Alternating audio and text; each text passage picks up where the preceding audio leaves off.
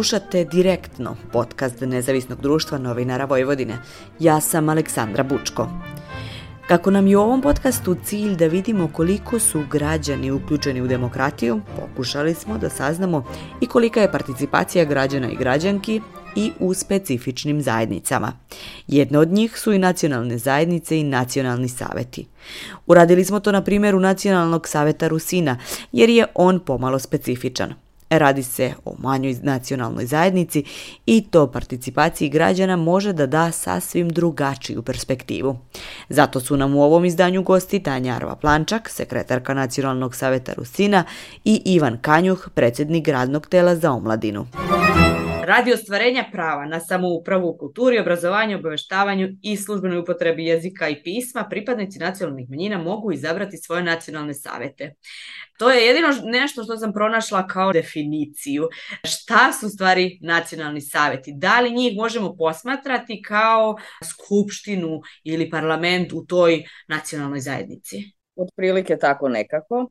Znači, nacionalni saveti u jednu ruku jesu kao Narodna skupština u okviru neke zajednice, ali su isto tako i vlada, s obzirom da svaki nacionalni savet ima i odbore koji su zaduženi za informisanje, kulturu, obrazovanje, službenu upotrebu jezika i pisma, može formirati i druga radna tela komisije, kako god ih nazvali, za druge oblasti, tako da su u suštini onda ti odbori i te komisije kao neka ministarstva na u, nivou države. E, I da, s jedne strane mo, možemo smatrati da su nacionalni saveti kao neke naj, najviši organ, organi uprave u okviru jedne nacionalne zajednice. I sad... To se definicije uh, u zakonu takva je kakva je.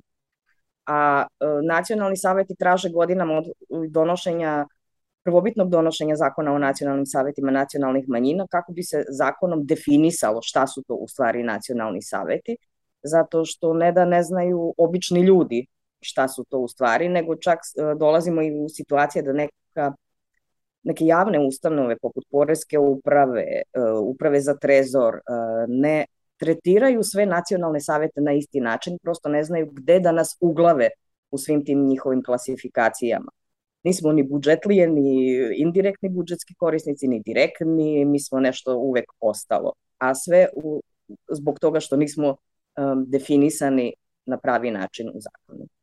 Mi ćemo sada u, u ovom podcastu u stvari posmatrati nacionalne savete kao, bukvalno kao to, kao parlamente, kao, kao najviši upravni organ, što znači da članovi nacionalnih, zajedni, e, nacionalnih saveta u stvari predstavljaju građane, predstavljaju gra, glas građana i treba da rade u interesu građana. Hajde prvo da krenemo od toga kako se biraju. Znači, znamo da, da se, se biraju na izborima u 2022. godini, isto imamo izbore, nove izbore za nacionalne e, savete.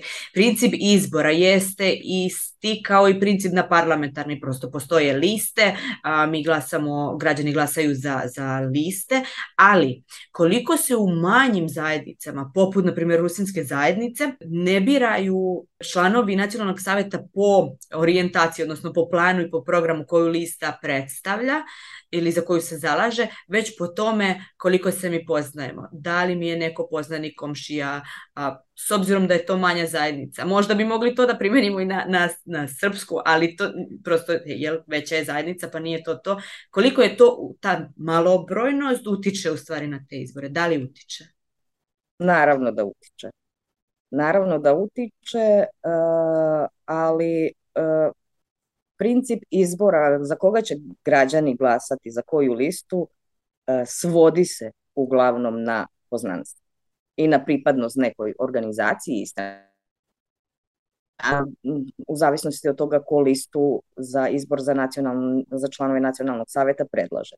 Zato što je predviđeno da listu mogu predložiti političke stranke nacionalnih manjina, udruženja građana kojima je u statutu definisano da se bave pravima nac konkretne nacionalne manjine ili grupa birača gde mogu uh, neke osobe koji ne pripadaju tim nekim organizacijama, ali žele da se posvete uh, zaštiti i ostvarivanju prava nacionalne manjine, mogu da osnuju grupu birača koja onda podnosi svoju izbornu listu uh, za izbore.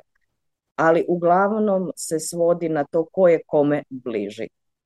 I tako se uglavnom i glasa. Ono što se isto prepoznaje kao problem e, generalno svih nacionalnih savjeta jeste određen nivo politizacije istih, odnosno e, znači imamo jel, u zavisnosti od tog u državi na republičkom nivou koja stranka je dominantna, to se preslikava onda i na sve niže e, nivoe, pa tako i nacionalne savete. To nije praksa koja je uvedena pre godinu, dve, već postoji već dosta dugo, Uh, a ono što je isto uh, vezano za nacionalne savete, uh, to je prosto da postoji kad je reč o rusinskoj nacionalnoj zajednici, posebno jeste to je malobrojna zajednica gde je uprkos tome ipak dominantna to ko je kome prijatelj, ko je kome rođak, ko s kim sarađuje. Treba napomenuti da rusinska zajednica po poslednjem popisu iz 2011. broji svega 14.000 14 i nešto, E, stanovnika ovaj današnje procene govore o tome da će taj broj opasti za nekih hiljadu, tako da eto, prosto e, određeni ljudi u određenim sredinama već imaju neke, e, neke krugove u kojima se kreću i to su njihovi sigurni birači, tako da to je princip. Ja sam čak jednom prilikom 2014. godine kad smo nastupali na omladinskoj listi baš govorio kad sam se obraćao na televiziji našim potencijalnim glasačima u smislu pokušajte da ove godine ne glasate za brata, tetku, sestru i to, nego, nego se potrudite da zaista e, saslušate ideje i da vidite da li su te ideje za one koji ste vi glasali. Koliko je onda kvalitetan rad nacionalnog saveta ako imamo takav izbor. Da li u stvari nacionalni savet može da funkcioniše kako treba ako mi biramo po komšijskoj rodbinskoj liniji, a ne potom. U stvari, i na kraju krajeva, ako ne biramo plan i program određene zajednice koja se kandidovala, već po toj liniji, da li ćemo mi onda imati tu zaštitu prava koja je potrebna, koja bi trebala da bude? stvari koje sam ja prepoznao kao problematične, e, ne znači da stvari treba da gledamo crno i belo, u smislu da je ovakva situacija nužno crna ili ti da bi neka druga situacija bila bela, jel? Ljudi koji su aktivni ili ti bili aktivni do sada u, na, u radu Nacionalnog savjeta Rusinske nacionalne zajednice, su i ljudi koji su za, imali zabeleženi uspeh e, kako u radu nacionalnog saveta, tako i pre toga. To su ljudi ipak koji se kreću u nekim e, krugovima rusinske kulture, tako da ipak nisu to, ne bih, moja je bar ocena takva, da to nisu baš ljudi koji su tek tako eto, nemaju pametnija posla pa se bave ovaj, nacionalnim savjetom Rusinom, nego su to ipak ljudi koji imaju neko iskustvo, ali apsolutno se slažem da možemo da diskutujemo o tome E, da li je ne, neki kandidat e, bolji od nekog drugog i tako u krug. Ja bi dopunila samo da aktivnost, zalaganje, rad nacionalnog saveta i kvalitet toga rada zavisi prvenstveno od ljudi koji se kandiduju na tim listama. Znači, nezavisno od svoje pripadnosti bilo kojoj organizaciji ili stranci ili grupi birača, ako su ljudi kvalitetni, ako je tim ljudima stalo do, prvenstveno do svog nacionalnog identiteta i do identiteta svoje zajednice i do pripadnosti zajednici, onda će i rad e, nacionalnog saveta biti kvalitetan. A ako se tu jave neki ljudi koji, pošto je Ivan pomenuo, ne znaju baš šta je to nacionalni savet, nego imaju neku svoju predstavu o tome i kandiduju se, eto, čisto reda radi da bi oni negde bili, i onda dolaze na sednice, ne progovore ništa, da. nisu aktivni u radu, uh, eventualno dignu ruku kad se glasa o nečemu, onda od takvih ljudi nema koristi zaista. Kako funkcionišu nacionalni savjeti u smislu kako građani mogu da utiču na njihov rad kada su oni već izabrani? Kako građani mogu da se obrate nacionalnim savjetima da im oni pomognu, reše neki problem? Ima razno raznih načina na koji građani mogu da se obrate nacionalnom savetu. E, neki to i koriste. Jedina je razlika u tome što e, neki znaju šta je posao i šta su nadležnosti nacionalnog saveta i šta nacionalni savet zaista može da reši, a e, neki ne znaju šta je to. Pa smo imali situacija da dolaze kod nas traže neku socijalnu pomoć recimo ili ne, nešto tog tipa ili da, da im rešava nacionalni savjet neke ekonomske probleme, tu nisu ingerencije nacionalnog saveta. Znači, ingerencije jesu kultura, obrazovanje, informisanje na rusinskom jeziku i službena upotreba jezika i pisma. Ukoliko neki građanin ima problem neki ili neku ideju vezanu za te oblasti, onda može da se obrati nacionalnom savetu i nacionalni savet može da proba da reši u zavisnosti naravno od problema kakav je. Ali s druge strane nacionalni saveti imaju ograničen uh, delokrug delovanja s obzirom da mi možemo da uh, sprovodimo zakone i zakonske propise i da pazimo da li neki drugi organi to sprovode i onda eventualno reagujemo na nekoga, ali nacionalni savjeti uglavnom daju samo mišljenja koja neko ko traži to mišljenje od nacionalnog savjeta, što je zakonom obavezan da traži, može da usvoji, ali i ne mora. E, da. najviše e, građana se obraća nacionalnom savjetu ovih što jesu uključeni, što im je e, svakodnevni posao neka od ove četiri oblasti i koji razumeju za šta služi nacionalni savjet. Ali velika većina građana u suštini ne zna čemu to služi.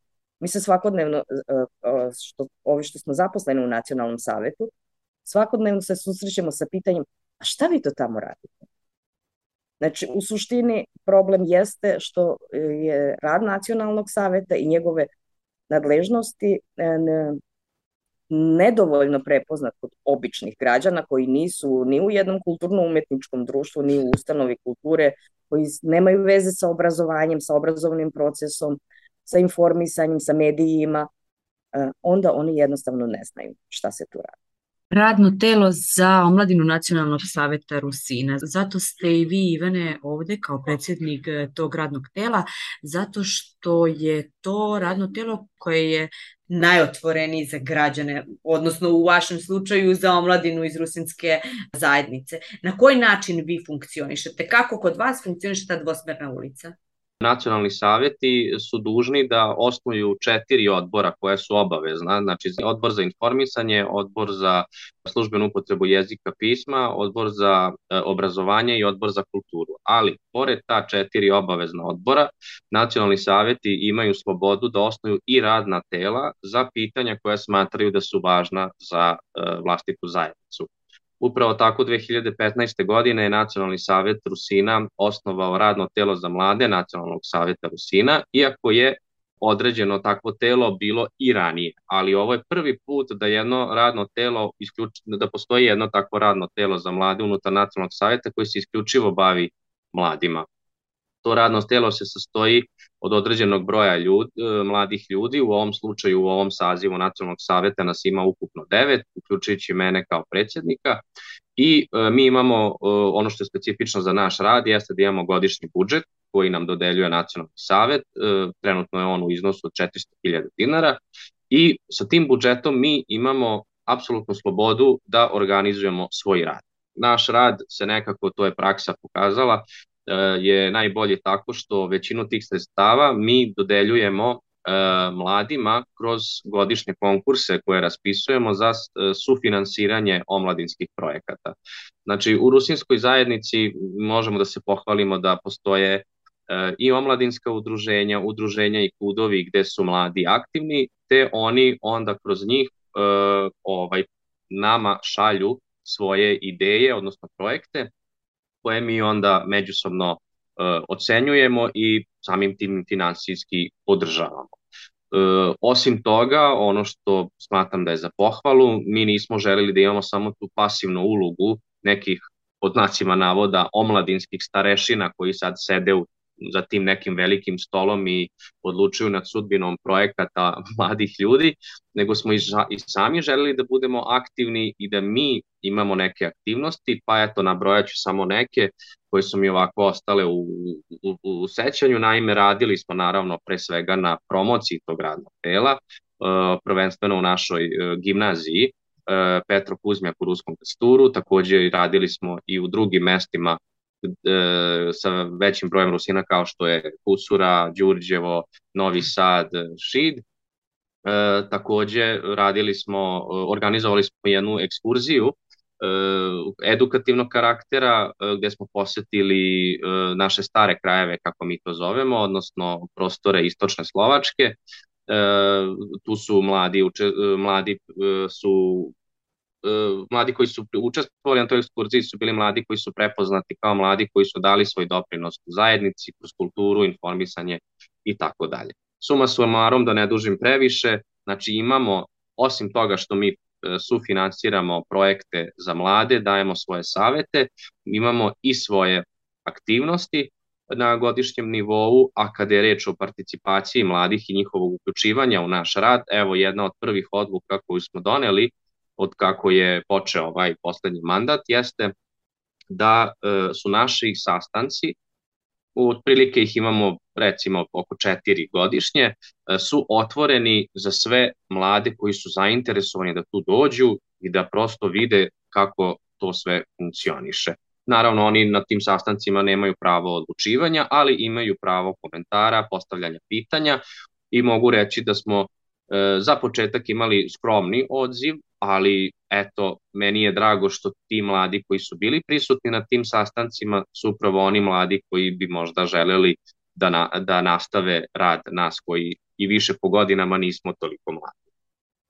To je baš taj direktan u stvari primer gde, gde se mladi uključuju u vaš rad u suštini baš to što su mogli da dođu, mogli da pitaju, mogli da, da budu tu, da vide kako funkcioniše i kako u stvari doći do toga da se njihov glas e, čuje.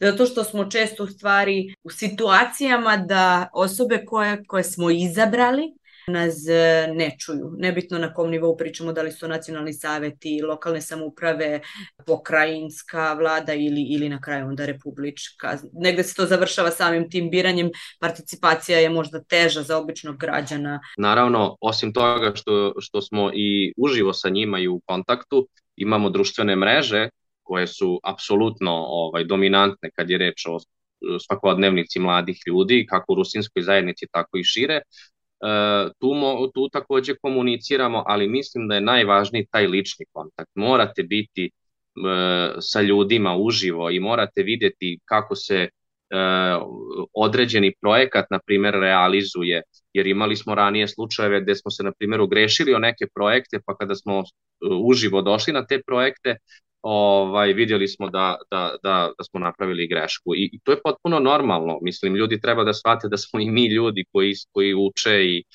uh, i, i prosto želimo da budemo e, deo jednog šireg tima, a ne samo da mi u tom telu radimo za sebe ili ne znam kakve druge interese.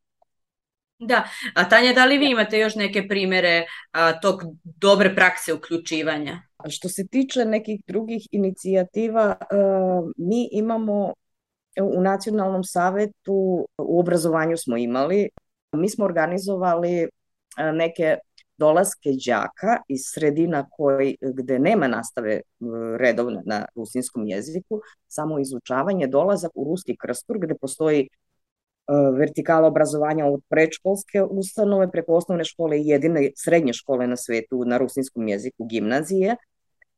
Organizovali smo dolazak dece iz drugih sredina kako bi videli da se, da se ovde nastava cela odvija na rusinskom jeziku, kako bi ih privoleli da upišu gimnaziju na rusinskom jeziku, da vide da ima sredina gde još neki ljudi pričaju na jeziku na kojem i oni pričaju na tim nekim časovima izučavanja. I onda su nam uh, sami nastavnici iz škole u Krsturu rekli da uh, oni rado primaju svu decu iz svih mesta, ali i naša deca iz Krstura i oni bi voleli negde da odu. I zato smo ove godine prvi put organizovali recimo naših đaka iz Ruskog Krstura u posetu đacima, našim đacima, uh, učenicima koji idu u školu u Kucuri u Đurđevu kako bi i oni tamo videli da ima i tamo neke nastave na tom istom jeziku. I mora se imati na umu i još jedna stvar da su nekada ljudi pomisle da mogu da iznesu neku ideju da će se to realizovati u roku od odmah.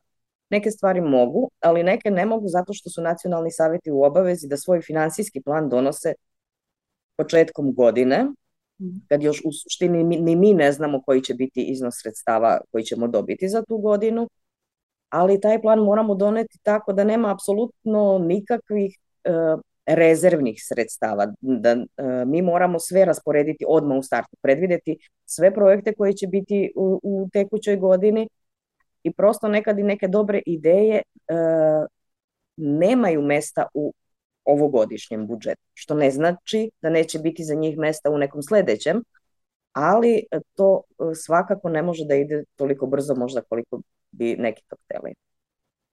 Slušali ste podcast Direktno, podcast Nezavisnog društva novinara Vojvodine. Ja sam Aleksandra Bučko. Pričali smo o tome kako građani mogu da učestvuju u radu nacionalnih saveta i kakva je njihova participacija kada prođu izbori. Gosti ove epizode su bili Tanja Arva Plančak, sekretarka Nacionalnog saveta Rusina i Ivan Kanjuh, predsjednik radnog tela za omladinu. Ova epizoda podcasta je realizovana uz financijsku pomoć programa tranzicione saradnje Republike Češke.